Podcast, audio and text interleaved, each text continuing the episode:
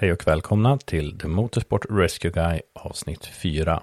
Idag så eh, har vi börjat komma in i mars. Vi är faktiskt inne i andra veckan i mars och eh, solen skiner ute. Det börjar bli lite bart på backen och det innebär att säsongen är snart här. Jag hoppas i år att vi kan få en liten stabilare säsong än 2020. Vi har ju lärt oss lite om covid och jag hoppas att eh, vi kommer ha bättre förutsättningar att kunna genomföra arrangemangen för min del har senaste veckan inneburit mycket diskussioner om just covid. Bland annat har vi kört eh, seminarium internt inom ICMS. En frän upplevelse. 78 deltagare från mer än 15 länder som samlas och pratar och jämför hur vi jobbar med covid. Jag och eh, två andra var presentatörer och pratade om bland annat skyddsutrustning, vaccinering, testning och eh, bubblor.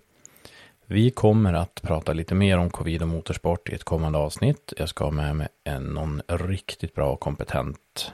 Så kommer vi att prata om hur vi kan på bästa sättet förbereda oss för att göra arrangemang i år. Med de rådande förutsättningarna och hur vi bör agera kring vårt eget skydd. Sen kan ju allting förändras, men vi ska försöka bena ut så mycket vi kan under det avsnittet. Så håll ut så kommer det inom några veckor. I dagens avsnitt så kommer vi att träffa Joakim Ternström. Joakim Ternström är skribent och ordförande i V8 Thundercars förarförening. Han har en historik som eh, media och kommunikationsansvarig inom STCC och senare media officer inom V8 Thundercars. Jag har själv haft möjligheten att jobba med Joakim både i STCC och V8 vet att han är en väl insatt person och han ser motorsporten kanske från en annan vinkel än vad man gör som förare, promotor eller arrangör. Och jag vill verkligen få lyfta lite på locket och se hur ser någon som tittar från den vinkeln på säkerhet. Joakim, kanske ni känner igen hans röst. Han var en av grundarna till Forza Motorsport och deras podd. Och eh, var med i början på den podden. Så att det är väl inte helt otänkbart att ni känner igen hans röst. Men eh, jag ska inte hålla er på halster. Ja, hej och välkommen Joakim Ternström. Tackar. Som sagt, eh, idag har jag tänkt att jag ska få prata med dig. Du har ett lite annat perspektiv. Tidigare har vi pratat med bland annat banägare, tävlingsledare, försäljare av skyddsutrustning. Men vad är din koppling i motorsportsäkerheten? Mm, eh, jag, eh, jag har ju mest hållit på med, med eh, media och, och PR runt eh, motorsport. Eh, håller på i ett antal år. Eh, började väl för eh, en eh, lite drygt 20 år sedan med, med att börja skriva på, på nätet tillsammans med ett gäng andra. Något som utvecklades då till, till en eh, eh, webbsajt som heter Forza Motorsport som blev Sveriges största. Vi eh, bevakade allting från F1 till, eh, ja, det var roadracing och det var allt möjligt som, som eh, vi höll på med där. Eh, och under den tiden så utvecklade jag också då kontakter med, med svensk motorsport. Fick eh, lite, lite jobb, eh, jobbade bland annat åt Alex Danielsson, Eh, under hans eh, formelbilskarriär där fram till eh, eh 2006 eller någonting sånt där tror jag. Eh, jag har gjort lite jobb åt, åt Aftonbladet och Expressen och SVT och en del andra uppdragsgivare genom åren. Då. Så att jag har, jag har ju alltså inget konkret säkerhetsarbete. Det, det närmaste jag har kommit har väl varit när jag, jag jobbade som informationsansvarig på STCC mellan 2010 och 2014 och då, då är man ju så att säga en del i eh, eh, krishanteringen runt en allvarlig olycka. Eh, men eh, tack och lov så hände det aldrig någon, någon värre olycka där, där eh, krishanteringssystemet behövde sättas igång under den tid som jag var där. Och sen så har jag naturligtvis lite, eh, hade jag ett ansvar som pressansvarig för fotografernas säkerhet eh, ute på banan. Så att det, det, det, det är väl det som, eh, det är väl min ingång mm. i den här podden. Men jag antar ju att du har haft ett motorsportsintresse som, antingen har, som antagligen har löpt ett bra lång tid tillbaka om vi tittar i ditt liv va? Ja men absolut, jag, jag blev intresserad av motorsport redan som, som eh, fyraåring. Eh, det, det, är väl där jag har det tidigaste minnet för då, då fick jag min eh, första bilbana. Och eh, jag minns att eh, det, det var Eh, på något sätt så kunde jag, jag, jag minns att jag hade den här känslan av att wow, nu kan jag hålla på här hemma med, med eh, eh, vad ska man säga, jag, jag, var, mina föräldrar åkte ut på mycket biltävlingar, så alltså att jag följde ju med. Så jag var ute på Skarpnäck och Karlskoga och Falkenberg och var vi på och sådär va. Så att, eh, eh att, att kunna få eh, eh hålla på och leka på hemmaplan med, med, med bilbanan var liksom, det var ju drömmen. Va? Och det där intresset eh, har ju liksom aldrig riktigt släppt någon gång, utan eh, det, det har, ju, det har ju hängt i. Eh, så att, eh, och, och eh, när man då har varit intresserad av motorsport så länge så har man ju också fått fundera över det här med säkerhet Eftersom eh, den, den lämnade ju kanske en del att önska eh, under tidigare år. Liksom. Så att som, som, som ett litet fan fick man uppleva Jocke Bonnier eh, omkom och eh, vi var också på Karlskoga när den här allvarliga eh, olyckan skedde. Eh, jag såg inte mycket mer än ett biltak som flög och sen så blev det alldeles tyst och jag var på läktarna. Jag var, jag var eh, kanske lite för liten eh, för att förstå att eh, hur allvarligt, hur allvarlig den där olyckan var. Men eh, det var liksom en otäck känsla på plats. Mm. Eh, helt klart. Va? Så att, eh, ja, det, det, det, det är 50, 54 år senare så sitter man fortfarande här och tänker och funderar och håller på med motorsport. Ja, vad skulle du säga, vad är säkerhet för dig då? Säkerhet för mig är, eh, eh, det är ett val som man gör. Eh, eh, jag tror att eh, det, det, det, handlar om välja nivå på säkerhet. Eh, jag tror vi har... Eh, det, det, finns en sorts politisk korrekthet i att, eh, eh att inte ifrågasätta hur säker motorsporten ska kunna bli. Och eh, jag tror att den är...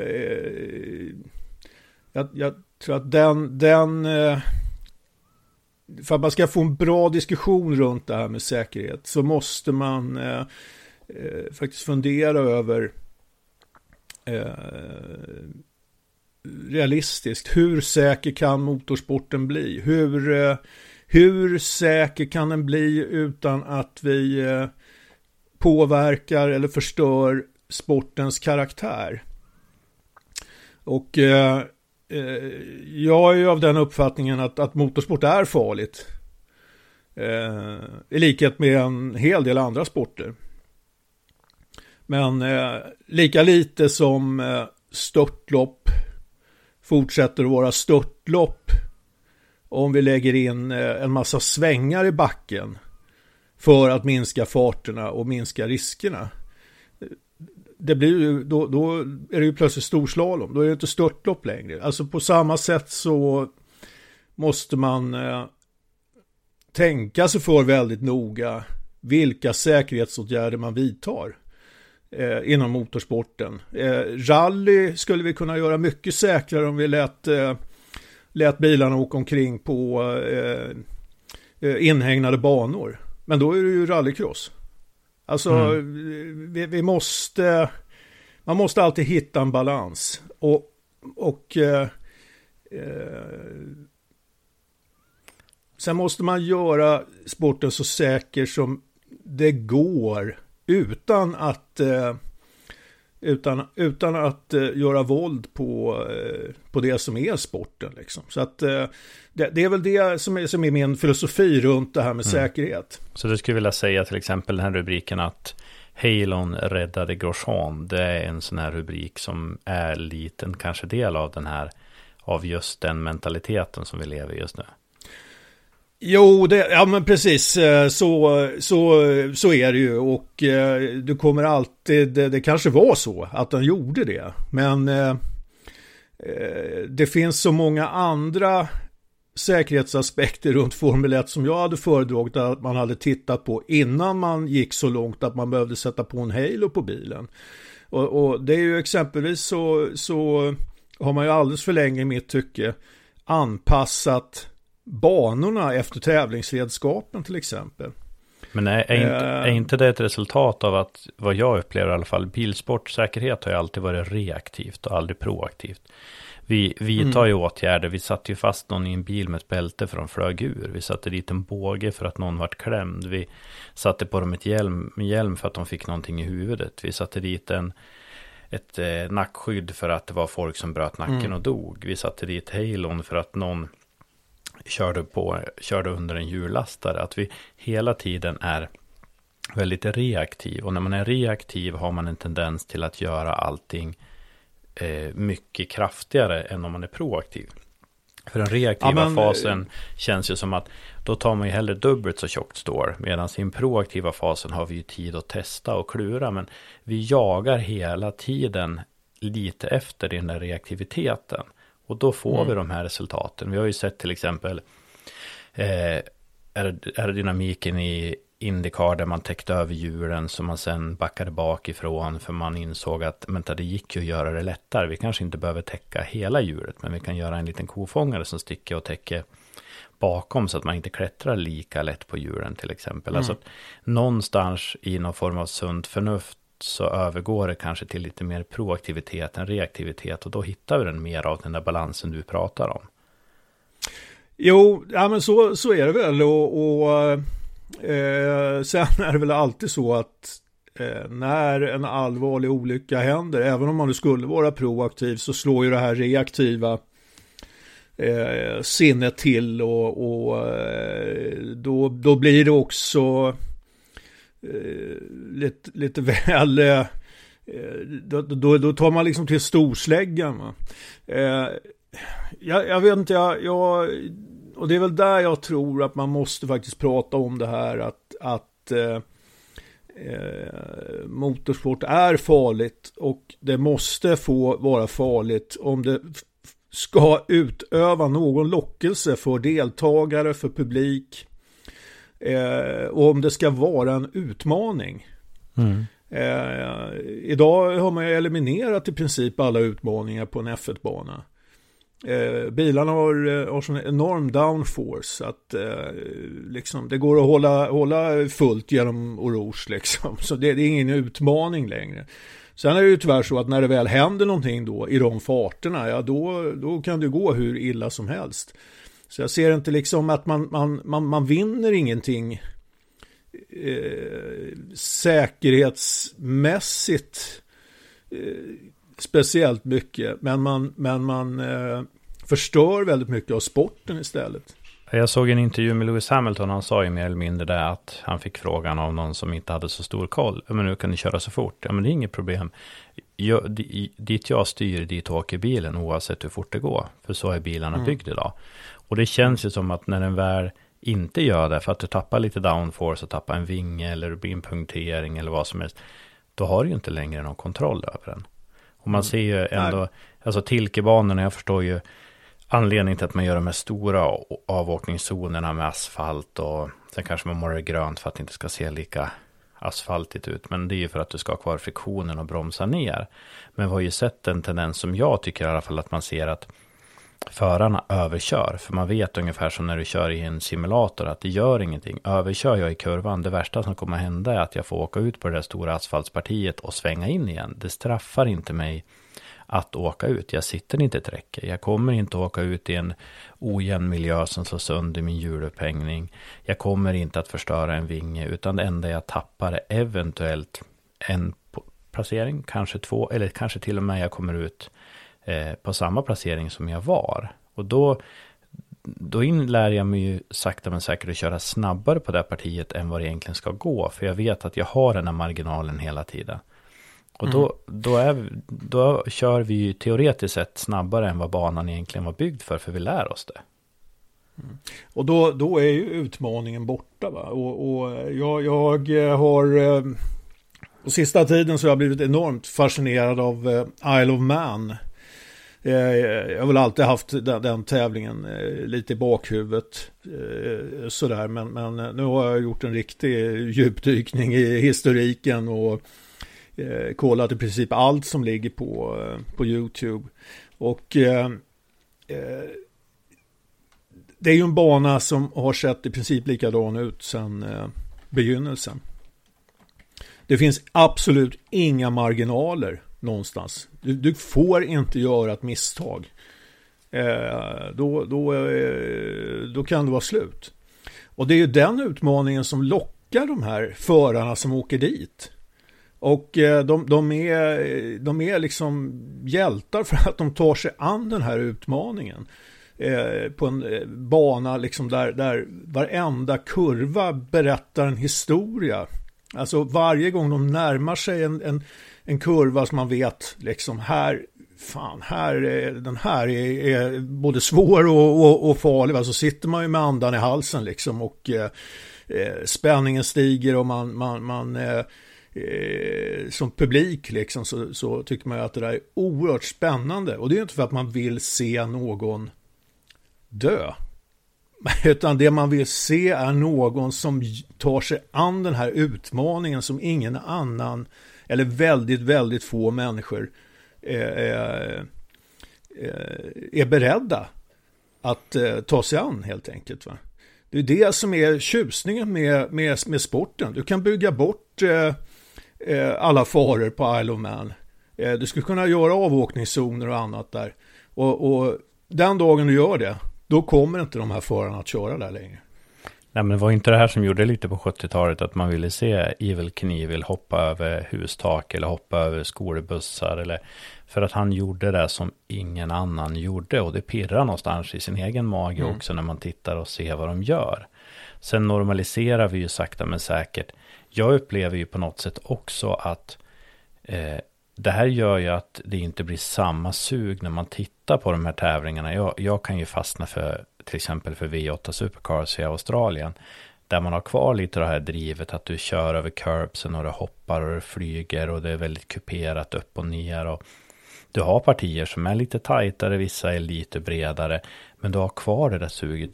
Det är tillåtet att köra mer plåt mot plåt. Och det gör ju liksom mm. att det, det, ser snabbare ut än vad det kanske egentligen är. Medan Formel 1 som är vansinnigt snabbt idag ser ju inte så jättesnabbt ut när du står och tittar på det på en tv.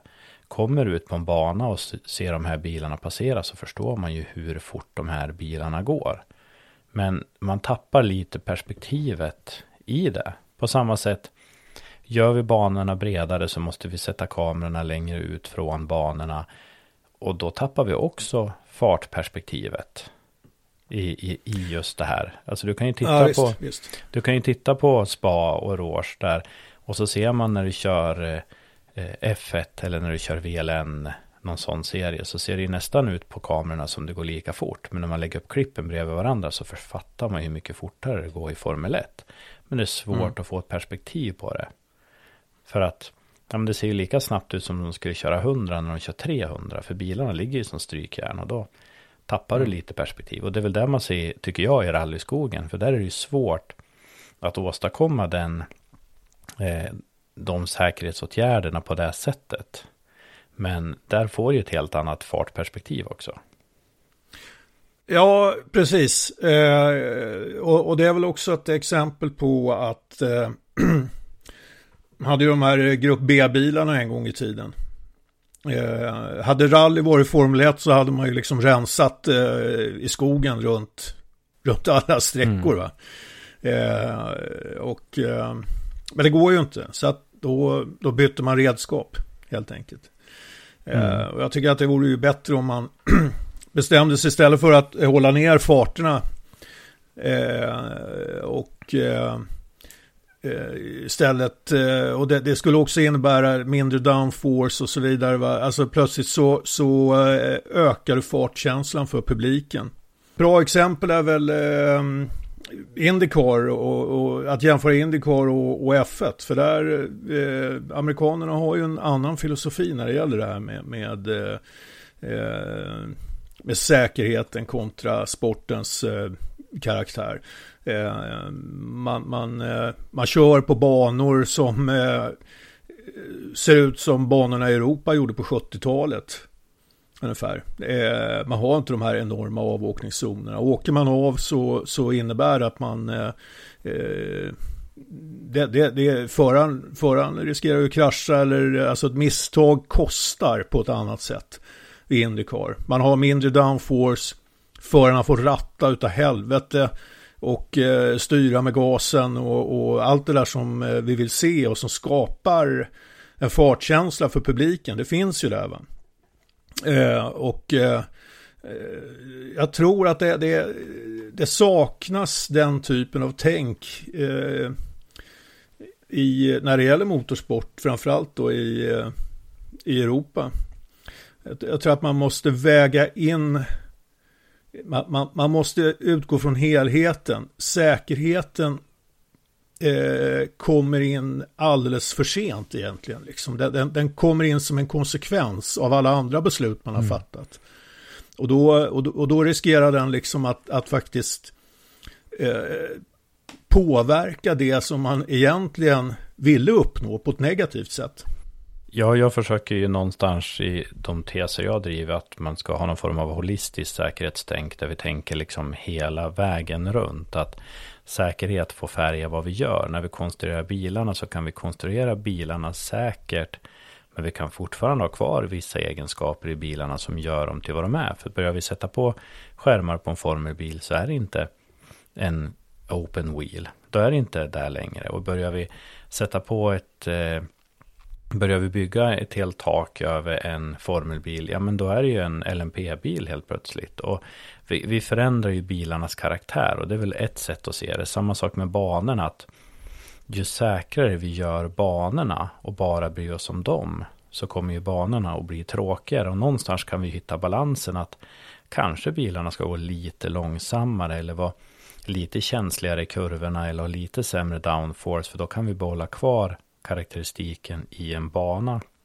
Och slutligen men inte minst så handlar det också om vad föraren har för förutsättningar att köra.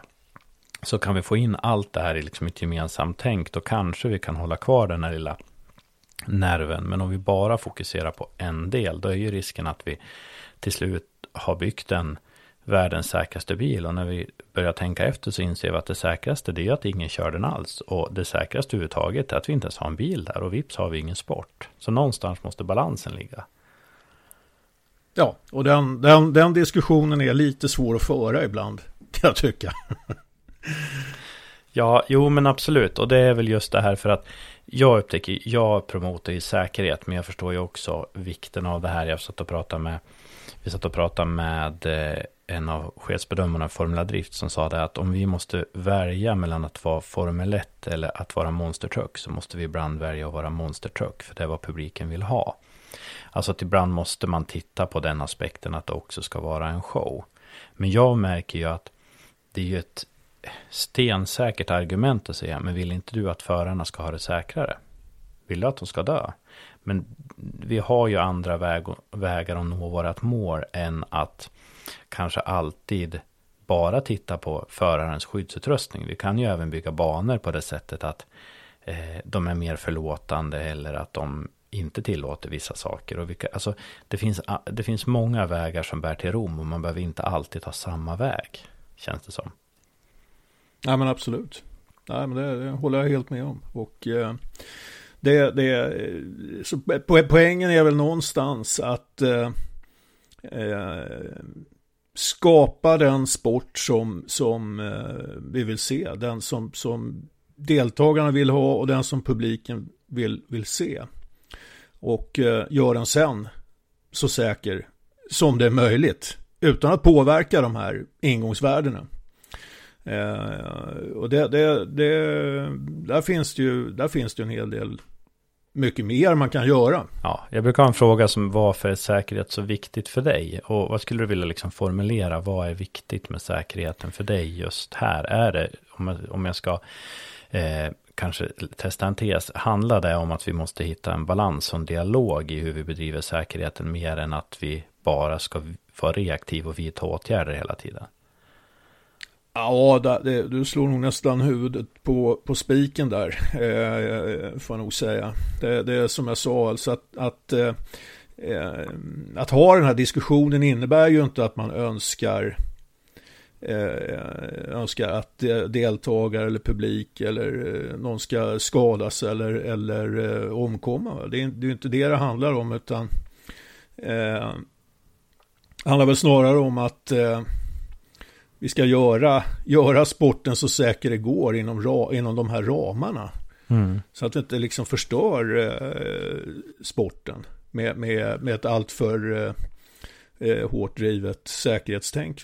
Ja, och jag inser ju någonstans, du har ju ett annat perspektiv kanske än vad många av oss andra har. För du pratar ju med otroligt mycket av förarna och teamen i den roll via press och media och information på ett helt annorlunda sätt än vad vad till exempel jag gör. Jag sitter i min bil där ute och visst någon gång kommer det någon och säger någonting och är lite fundersam eller vill ha reda på någonting. Men du träffar dem ju liksom kontinuerligt när de har kört sitt race. När de, när de kanske är irriterad för att eh, det vart för mycket safety car eller varför mm. gjorde man så eller så där. Så jag, kan, jag förstår ju också att du får ju kanske höra lite av den andra sidan hur ett ej, eller hur ett rigoröst säkerhetsarbete som ibland kanske inte blir jättegenomtänkt kan också färga en tävling och göra en negativ. För jag brukar alltid leva i tesen att de tävlande ska få tävla över mållinjen. Det är inte Safety Car, det är inte vi som ska ta över dem över mållinjen, utan det är de själv som ska få kämpa om det.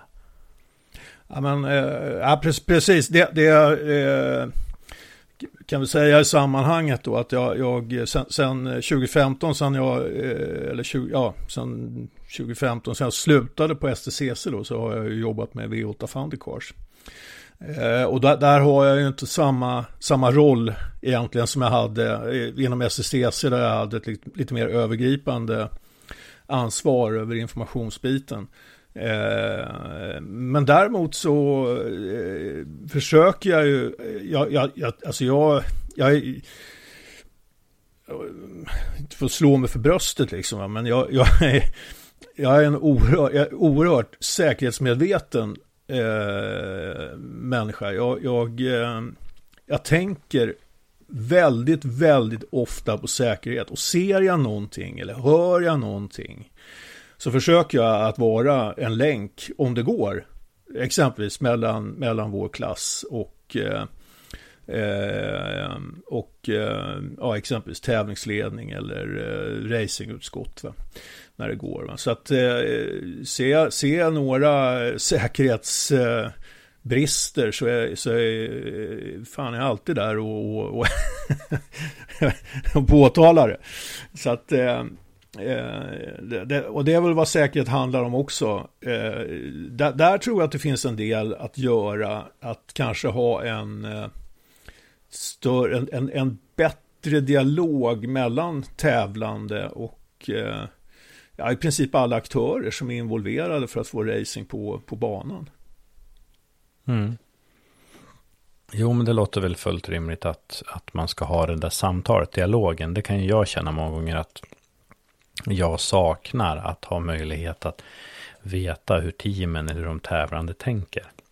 Mm. För ofta har jag upptäckt att ofta tänker vi, vi vill egentligen göra samma saker, men vi inte, vågar inte alltid göra de sakerna för att vi tror att någon annan vill någonting annat. Jag mm. är ju en stark eh, förespråkare av den röda flaggan, att får vi ett scenario på en bana där vi vet att om jag flaggar rött här och eh, tar in bilarna och får tre, fyra minuter ostört så kan jag rensa banan från de här havererade bilarna eller eh, få undan den här situationen kontra att vi ska dra ut en safety car och då vet jag att det här kommer kanske ta 8-9 minuter och det är 9 minuters racetid kvar. Och då vet jag liksom att någonstans tror jag i bakhuvudet att man vill hellre racea om de sista fem minuterna än att man vill köra bakom en safety car i nio minuter.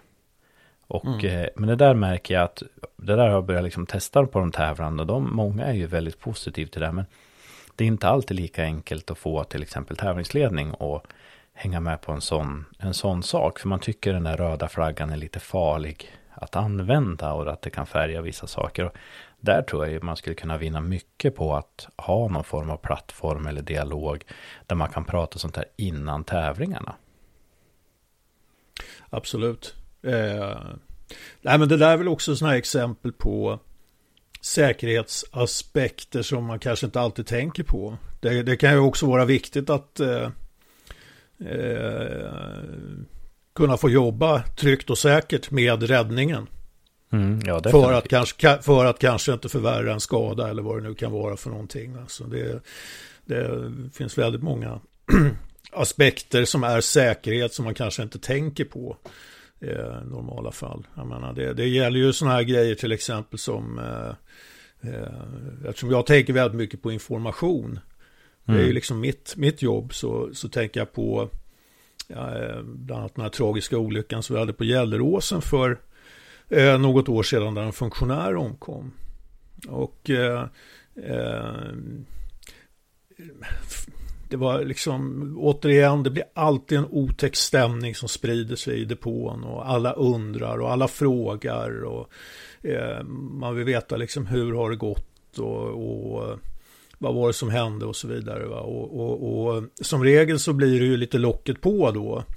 Eh, det, och det, det, det, är inget, det är inget problem med det egentligen. Liksom. Men, men det är ju sedan hur informationen kommer ut som, som eh, man kanske skulle kunna fundera på hur man, hur man kan förbättra det. Nu vet jag att på Gelleråsen så var det så att det, det beskedet kom eh, från via media eh, för att en polis eh, uttalade sig.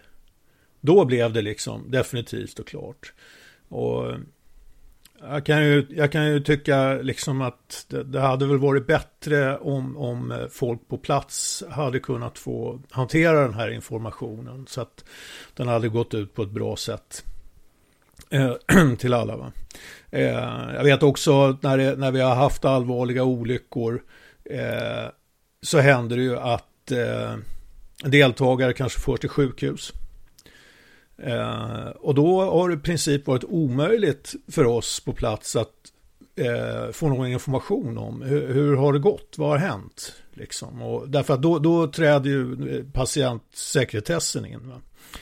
Och då brukar jag ofta fundera, jag brukar ofta fundera då på, för att när, när det gäller lagsporter, hockey och fotboll och sånt där, då är ju läkarna, de, de eh, rapporterar ju ofta eh, ganska omgående, vad är det som har hänt? Nej, men Nisse har brutit benet. Eh, och jag menar, det där, ursäkta, det där, det där är ju en information som, som eh, eh, kan vara jävligt bra att få fram rätt, rätt mycket snabbare än vad vi får idag. Därför att eh, det, det lugnar folk. Va? Och, och folk, eh, att, att det, är, det är en farlig sport och, och, och, kan man lugna deltagare och funktionärer att eh, fan det gick bra. Va? Då, då, då kan man också fokusera på ett annat sätt på, på uppgiften man har framför sig va? när det ska köras nästa hit. Vi kommer att ta upp det här faktiskt, prata lite i ett poddavsnitt kommer jag ha en läkare med och prata om det här. För det här är väldigt komplext och här är någonstans skulle egentligen våra förbund behövt satt sig ner till exempel med Socialstyrelsen och faktiskt kolla vad som gäller. För det är ju så att har vi en vårdutövare på en bana så har ju den en dokumentationsplikt och så att säga. Den ska ju ha en journalföring. Men den får ju mm. inte lämna över sina dokument till en annan eh, organisation, det vill säga i det här fallet ambulanssjukvården, eh, om man inte har så att säga fått det godkänt av den skadade. Och är den i dåligt skick, då är det ju svårt att få den och, och så att säga signa på någonting, vilket innebär att om man lämnar över någonting till ambulanssjukvården så gör de egentligen sig skyldig till, eh, ja, till ett brott egentligen mot sekretess, sekretessreglerna då. Och så här ja. ser det ut även om man ska föra informationen neråt. Och här skulle man ju behövt fundera på hur man ska göra för att kunna föra den här eh, informationen uppåt och neråt i organisationen. Det är ju till och med så mm. till den nivån att om en förare är skadad så får ju egentligen inte vårdutövaren meddela till racekontroll hur det är med den skadade, för det är faktiskt kränkande mot ens, eh, mot ens att säga, sekretessrätt då. Utan eh, det är ju bara de som har varit med i själva vårdinsatsen och ligger under den vårdutövaren mm. som har rätt att ta del på det. Och det här, det här är jättestökigt och som du säger, ingen, ingen kedja är starkast än sin svagaste länk. Och i det här fallet i Karlskoga var det ju oturligen så att poliser började uttala sig som de kanske inte skulle ha gjort. Och det bevisar ju att ibland är det ju inte så att säga bilsportens fel att saker uppstår, utan vi har ju också ett samhälle vi ska spela emot. Och det gör, ja, det, och, det gör, och det gör det här så jäkla komplext. Och där, där tror jag att det är för stort för en aktör att plocka i. Det är för stort för en bana att plocka i. Utan det här är någonting man måste titta på ett förbundsplan och se över och skapa rutiner för hur man ska göra för att föra de här informationen. Så att, eh, men det är en jätteintressant, det är ett mm. ämne som vi har börjat försökt plocka ner och kolla lite på. Och Ja. Eh, nej, men jag, jag, tror det är jätteviktigt. Men om vi säger så här då, vad, jag brukar fråga våra gäster om de har något minne som man speciellt kommer ihåg just som relaterat till säkerhet. Jag vet du nämnde bland annat att du hade varit på Karlskoga när den smällen mm. var och så. Vad skulle du vilja säga, vilken upplevelse för dig inom motorsporten är det som kanske har färgat ditt säkerhetstänk mest? Ja, det, det där är, det är, en, det är en svår fråga. Eh, eh, för att jag har varit med om eh, eh, tre tävlingar där eh, eh där jag upplevt eh, eh som haft olyckor med dödlig utgång. Så alla de, de, alltså alla de där grejerna sammantaget, eh, Ronnie Petterssons krasch eh, till exempel. Eh, jag, jag var på eh, Monza, kommer jag fan inte ihåg om det var 2000 eller 2001, då eh, funktionär dödades liksom. Eh, och, och, och eh, det, det, det utspelar sig direkt på storbildsskärmen framför oss som satt på läktaren. Va? Eh, Gelleråsen.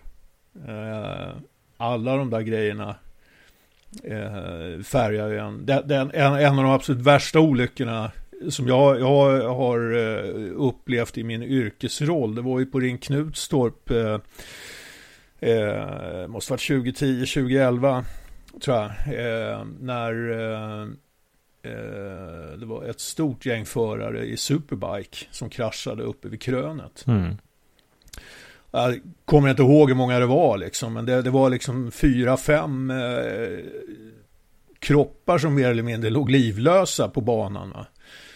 Och eh, den stunden innan man visste hur det hade, hade gått, va? Den, den var inte rolig alltså. Det var, då hade man ont i magen när man eh, stod där i pressrummet. Uh, nu, nu ska jag inte säga att det gick bra, därför jag tror att tre hamnade ju mer eller mindre i gipsvagga. Va? Men, men uh, alla överlevde som, uh, som väl var. Va? Det, det, det, får man ju säga. Men, Jo, men vi har, vi har ju de här riskerna i, i, i våra sporter vi utövar. Så att det är klart det kommer hända olyckor. Så länge vi har människor med och så länge vi har teknik mm. med så kommer det vara saker som fallerar.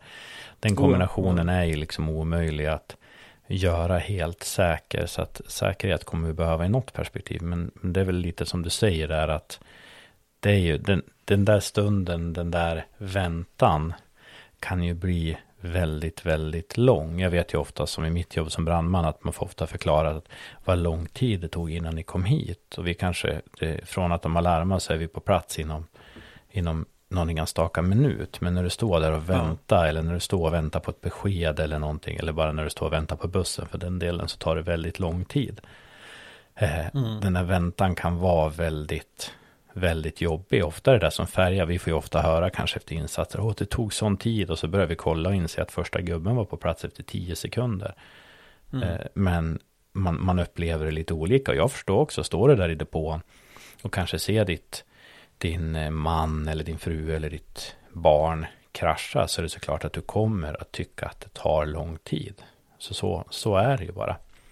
Men för att få en ännu säkrare sport nu, vad, vad anser du, vad är liksom det viktigaste vi skulle kunna göra för att, för att skapa den där säkrare sporten? Um, ja, nu, nu, nu, ska jag... Uh, du kommer att gilla det här svaret. Hur långt är ett snöre? Det är lite nej, en sån fråga. Nej, jag, jag, eh, nej men jag, jag tror att uh, det bästa vi kan göra det är faktiskt att ha den här diskussionen. Mm. Um, jag tror att den är jätteviktig och att man lyfter säkerheten eh, där, den, där den liksom blir eh, angelägen för, för alla inom sporten och, och, att det blir någonting som vi tänker på mycket mer proaktivt som du är inne på. Mm. Eh, ja, som jag håller med om. Va? Att vi, vi, vi, och vi måste också ha en eh, en, eh, och, de, och den debatten måste också föras mot bakgrund av vad, vad är sporten? Vad, vad, är det vi, vad är det vi håller på med? Vad är, Eh, vad är underhållningsvärdet i det här? Vad, vad vill publiken ha? Vad vill deltagarna ha? Och, eh, för sport va? Och, och sen måste vi anpassa säkerheten så mycket det går efter det. Mm. Men det känns som ibland kan ju faktiskt säkerhet vara att eh, göra bilarna lite, lite långsammare än att göra dem ännu snabbare. För det är där någonstans vi jagar hela mm. tiden. Att vi gör hela tiden Precis. bilarna ja. snabbare och så vidtar vi mer säkerhetsåtgärder och så mm. gör vi dem snabbare och så mer säkerhetsåtgärder. Och någonstans kanske vi måste inse att nej, men nu ska vi inte göra bilarna snabbare. Eh, vi kan ta, jag har tagit exempel förut, men man tar som i dragracing i Top Fuel där man hade dödsolyckor på 402 meter. Och sen bestämde man vi backar ner till 300 meter för det ska inte gå så fort.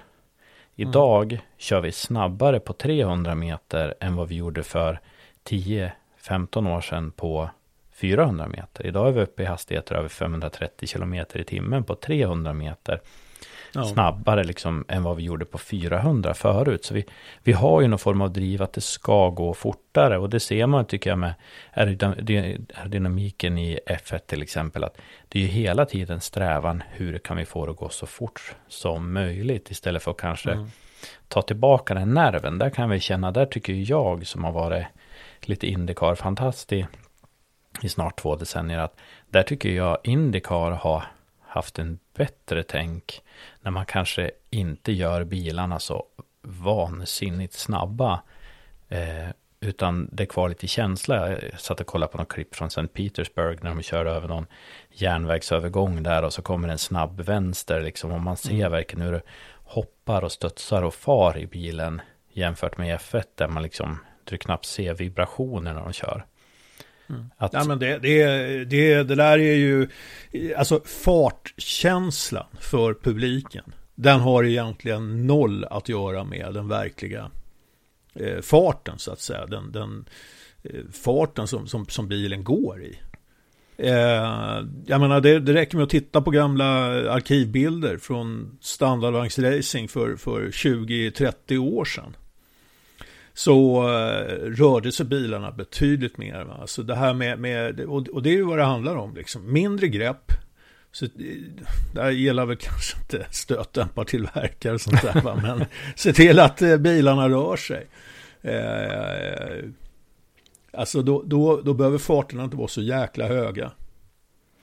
Ja men är det inte det som är avvägandet? Vi har ju liksom balance of performance på motormässigt för att vi ska jämka ut bilarna. Någonstans kanske mm. vi ska ha ingenjörskapat eh, eh, feeling i bilarna vad det gäller dämparna också. Att vi inte ska hela tiden sträva och göra alla bilar till strykjärn, göra alla bilar till mm. att de kan köra så, så fort som möjligt.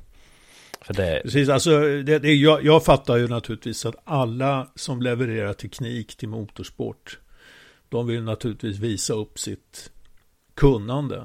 Eh, men jag tror inte att det finns något motsatsförhållande till det. Därför att du behöver inte... Eh, eh, du behöver liksom kanske inte backa tillbaka så jädra mycket för att ändå ligga väldigt, väldigt, väldigt långt från det som sitter i, i, i vardagsbilar.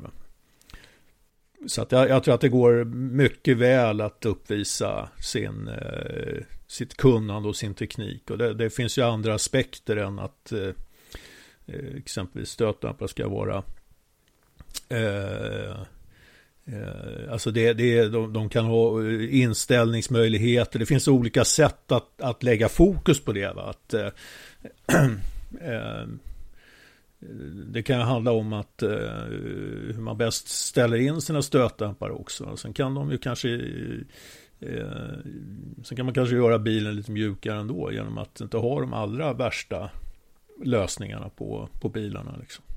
Ja men absolut. Nej men jag, jag tycker det, det är ju roligt att se när det är lite kamp, när det är lite nerv, när det är lite när kanske vissa bilar har fördelar på vissa partier och inte. Idag ser vi ju mer, alltså vi har enhetsbilar all ära för man kan lägga mer pengar på säkerhet. Men någonstans tappar man ju mm. lite skärmen i enhetsbilar också. Där tycker jag väl Indycar ändå har hittat någon form av rätt nivå när man ändå har olika motorleverantörer och man ställer in sakerna lite som man själv vill. Och man har förare med olika egenskaper, man skiftar mellan oval och, och stadsbanor och eh, ja, man är bra på olika saker helt enkelt. Och det, det tycker jag faktiskt är är rätt, rätt så trevligt. Formel 1 ser vi kanske hur banorna börjar se väldigt lika ut när Tilke har ritat de flesta av dem. Ja, det, är, men det, det, går ju, det går ju landa ett flygplan på, på, mm. på tvären på vissa av de här. Ja, men ändå ser vi ju liksom, alltså. ser vi ju Grosjeans krasch som ändå är, ska vara en sån överingenjörsskapad bana så finns det ju fortfarande partier eller det finns fortfarande räcken och sånt som definitivt kanske inte har sin plats på den banan. Eh, mm. För att vi har ja, hela det, tiden den eh, mänskliga faktorn. Och det, det, kan mycket väl vara så att med 30-40 eh, km i timmes lägre hastighet i, i kurvpartiet innan där så hade Grosjean aldrig eh, blivit räddad av eh, Halon. Därför att bilen hade aldrig gått igenom räcket. Va? Ja, men så är det. Jag, bruk, jag brukar ju titta på Bianchis krasch när han hamnade under en teleskoplastare. Och där är många som säger att vi måste ha ett, ett eh, underkörningsskydd. Vi måste ha liksom så att säga någonting som gör att hamnar under någon eller någonting så lyfter det. Och då blev ju Halon det som blev kontentan. Eh, men för mig så tycker jag någonstans att det första vi skulle haft där det är ju eh, något form av buffertfordon. Att du hade fått ut ett fordon som hade i tid kunnat ställt sig och kanske skapa det där hindret som hade gjort att de hade behövt slaga av på hastighet och höjt sin uppmärksamhet. Eh, det är väl mm. kanske sådana saker man primärt skulle behöva titta på. För att risken är ju att även om jag har en Halo så är det ju fortfarande inte bra att köra in under en teleskoplastare. Det är ju inte så att jag vill sätta på, alltså Halon kommer ju skydda och det är ju är väl förhållandevis bra. Men det är ju inte så att jag ska göra en sak som gör att jag kan känna mig trygg att nu kan jag köra under någonting. För då mm. pushar jag ju någonstans framåt eh, min gräns hur mycket risker jag tar. Så att det finns ju kanske organisatoriska problem att lösa innan Halon kom in. Och det vet jag, det har ju Fia också. När jag lyssnar på dem, då har de också lyft och sagt att man behöver kanske se över hur man jobbar ute på banorna. Fia genom eh, F1 och det som är väldigt restriktiv med att skicka ut bilar på banan. Man har mycket eh, fotburen personal, men de har inte möjlighet att kunna skapa den där barriären som kanske hade behövts. Mm. Ja, men det, det, det, finns ju undersökningar på det där att eh, när man inför vissa säkerhetsåtgärder så, så eh, börjar folk bete sig mer oförsiktigt också man, man invaggas i en eh, trygghet. Att eh, det, det, är, det är mycket säkrare än vad det är. Och det i sig blir ju en säkerhetsrisk. Eh, och det, det, har vi ju varit inne på när det gäller det här med banorna till exempel. Att förarna pushar mycket, mycket mer därför att misstagen kostar ingenting. Liksom. Så att, eh, ja. Men Jocke, du verkar ju ändå ha en rätt så ja, ska jag säga, en rätt så övergripande bild av säkerhet. Är det någonting du känner du skulle vilja lära dig mer om motorsportsäkerhet? Eh, alltså jag vet inte, jag, det finns ingenting som jag kan eh, peka på sådär kon konkret. Jag försöker att eh, liksom hänga med i eh, vad, vad som händer. Det, det, det jag skulle se fram emot eh, nu när du har kört igång den här podden, eftersom jag vet att du har ett eh, ett jädra bra kunnande om just det här med, med skillnaden till exempel mellan Formel 1 och Indycar. Hur man jobbar med säkerheten i USA. Där, där, där tror jag det finns eh, eh, det, det, är jag nyfiken på och jag tror att eh, jag tror också att vi kan ha väldigt mycket att lära av hur man, hur man eh, jobbar med säkerheten där borta. Ja, men absolut. Jag är väl, jag är väl den enda vad jag vet utanför Nordamerika som har genomgått vissa av deras utbildningsprogram. Så jag har ju fått haft en förstahands koll på hur de jobbar. Och jag måste ju säga det att de har ju ett de har ett mer eh, jordnära tänk än kanske Fias tänk och ett tänk som jag tror skulle vara mer applicerbart på den typen av verksamhet vi kör. De tänker ju mer från gräsrötterna och hela vägen upp medan mm. Fia börjar, alltså många gånger får jag frågan om vad Fias system handlar om och jag skulle vilja säga att Fias system, nu tar jag inte champagne för att det är vad Fia ibland tycker om, men eh, tänk det här stora glas, glaspyramiden på den här banketten eller bröllopet och så börjar man hälla längst upp. Och så fyller mm. man glasen sakta ner och så är ju Fias system lite vad det gäller all säkerhet eller så. Att man tror ju att om jag börjar med någonting uppe i F1 så kommer ju det till slut att handla, hamna i en nationell eller regionell formelbilsklass, till exempel som Halon. Och då, då mm. sätter man in Halon i F2 eh, efter F1 då och har dem i titan. Och sen så kommer de in i F3 och F4 i store. Och sen hoppas man att de kanske sköljer ner och nu börjar man se att det kanske börjar komma in någon Halo på någon Radical och lite sådana här saker. Men vi vet ju till exempel att vi kommer ju aldrig att få se en Halo på en historisk Formel V. Så någonstans så finns det liksom en, en linje, ett streck där vi inte tar oss mm. längre ner. Medan amerikanska tänket är ju mycket mer att om vi börjar nerifrån och så börjar vi bygga en struktur och så plockar vi bara på oss mer och mer kunskap och klär på oss uppåt. Så till slut när vi är uppe så är vi väldigt alert. Mm. Och jag skulle vilja säga att det är nog ett mer gångbart sätt för oss kontra alltid FIA-sättet. Sen av vår europeiska placering av vårt land så brukar vi ofta ligga närmare FIA. Men i det här seendet har du helt rätt. Så det, det ska vi absolut försöka titta på framöver här och titta på skillnader. Mm. Och det finns otroligt mycket att lära från USA. De kör ju så mycket mer än oss. Jag pratade med Tyler Backman som är ansvarig för World of Outlaws som kör eh, de här eh, dirt track racen. Man ser de här buggisarna med jättevingar som kör runt banor och flyger och är överallt. De sanktionerar 8000 tävlingar varje år. De har över 80 000 licensierade förare inom World of Outlaws. Alltså de har ju sån erfarenhet och de, har, de, alltså de, de kör ju sån mängd. Och det är det som gör att de ofta, alltså om vi tycker att vi får testa lite saker, då får ju de testa det tio gånger om. Och det gör ju att de lär sig.